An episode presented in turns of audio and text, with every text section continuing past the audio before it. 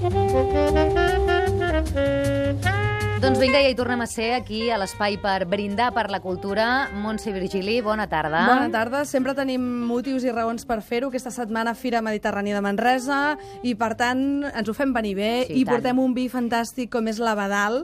Vell conegut a les taules catalanes, Exacte, ja, no? exacte, i tant, i tant, amb aquesta etiqueta tan sòbria que a mi m'agrada molt, perquè és un clàssic d'aquests que en trobes sempre a molts restaurants que valen la pena. Contrasta Hem amb la de triat- la vinyeta, eh? Exacte, veníem de la És vinyeta, altre que és molt modernó, i aquest és una cosa més clàssica, però a mi m'agrada, perquè, per exemple, a França, que hi ha molta tradició d'etiquetes molt clàssiques, Mhm. es valora molt el vi, i aquí hem perdut una mica, eh? ens ha fet perdre una mica el llegir, ens ha fet perdre l'escriure, i pensem molta estona amb les etiquetes a vegades. Ja. I ens hem d'interessar pel que hi ha dins l'ampolla. Clar que no sempre va relacionat. Exacte. No, no I, una bona eh, etiqueta et garanteix un bon vi. Està claríssim. Doncs, per exemple, parlem de l'Abadal, n'hem de triar un, com sempre, Abadal té vins increïbles, i una de les coses que jo crec que ha fet més important aquest segell de Manresa és importar el picapoll, tornar a portar aquesta varietat que estava perduda, però avui no parlarem de vi blancs, no, par no parlarem d'aquest vi blanc rodó amb acidesa, sinó que parlarem d'un vi negre, perquè s'acosta la tardor, encara que no ho sembli, eh?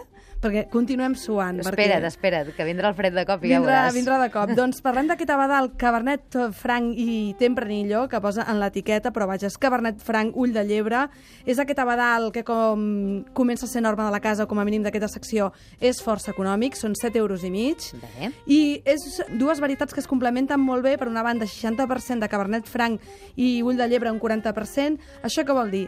Cabernet Franc li dona golosia i l'ull de llebre li dona com l'elegància, aquest punt així com de treure el pit jove. L'ull de llebre pensem sempre que és aquesta imatge d'un ull així molt, que es mou molt ràpid sí.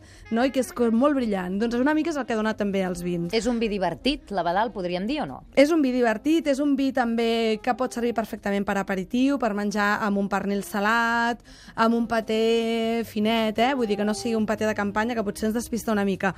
Fins i tot, ja ho sé que la gent diu, amb peix no, i estic en contra. La gent ha de veure el vi amb el que li interessi, i aquest vi és perfecte per veure'l amb un peix, amb un llobarro salvatge. Mira, si vols que doni Ostres, idees... Això ja és un nivell, eh? Eh? No, no, és que soc de Tarragona, m'entens? Està molt bé, està Ho he de defensar tot això.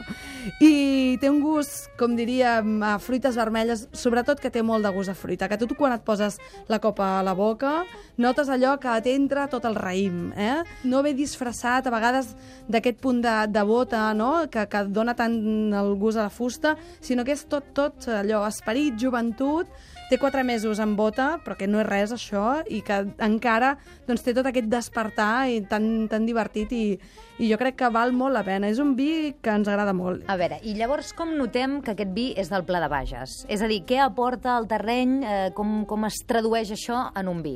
El terreny d'allà és argilós, és, té molta pedra, eh? podríem dir que també té aquest clima a l'estiu, aquesta calor ben forta, a l'hivern aquest clima que es torna com més continental, més, més dur, i això també es nota perquè tenen tots aquests vins com una, una valentia, jo crec, una valentia d'existir i de viure, i la tenen.